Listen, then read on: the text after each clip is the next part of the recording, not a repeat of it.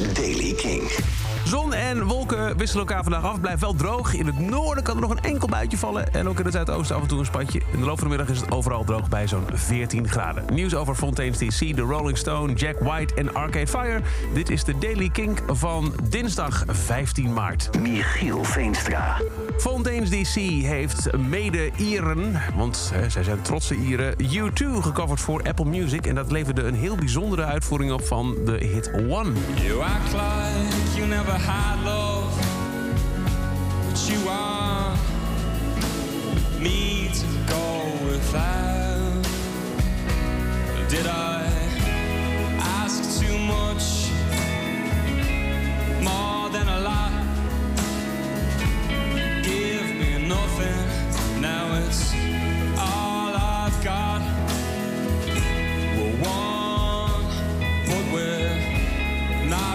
Same. Ah, mooi gedaan toch? Fontaine's DC covered U2.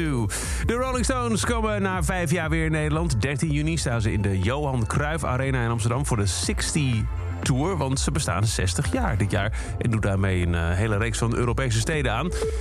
Jack White eh, opende in 2017 Third Man Records. Zijn eigen vinylplatenpersfabriek. Nou, inmiddels is vinyl hartstikke populair. En komen nieuwe artiesten nauwelijks nog toe aan het uitbrengen van een album. Of ze brengen het eerst digitaal uit en acht maanden later een keer vinyl, want er is een groot tekort aan vinyl. Jack White wil dat de rest van de muziekindustrie actie onderneemt. Hij heeft een oproep geplaatst op YouTube. This is Third Man Pressing, Third Man Records pressing plant that I built and opened in 2017 using my own money.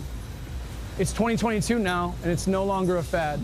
Vinyl records have exploded in the last decade, and their demand is incredibly high. A small punk band can't get their record for eight to 10 months. And I now ask the major labels, Warner Brothers, Universal, and Sony, to finally build your own pressing plants again.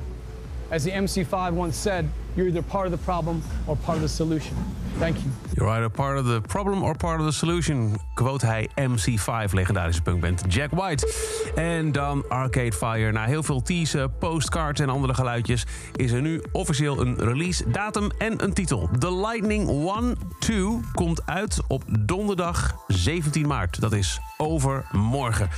Zodra het uit is, hoor je het natuurlijk meteen op Kink. Arcade Fire komt deze week terug. Dat is over deze editie van The Daily Kink. Elke dag een paar minuten bij met het laatste muzieknieuws en nieuwe releases. Niks missen? Luister dan elke dag via de Kink-app, kink.nl. Of waar je ook maar naar podcast luistert. En voor meer muziek, nieuws en nieuwe muziek...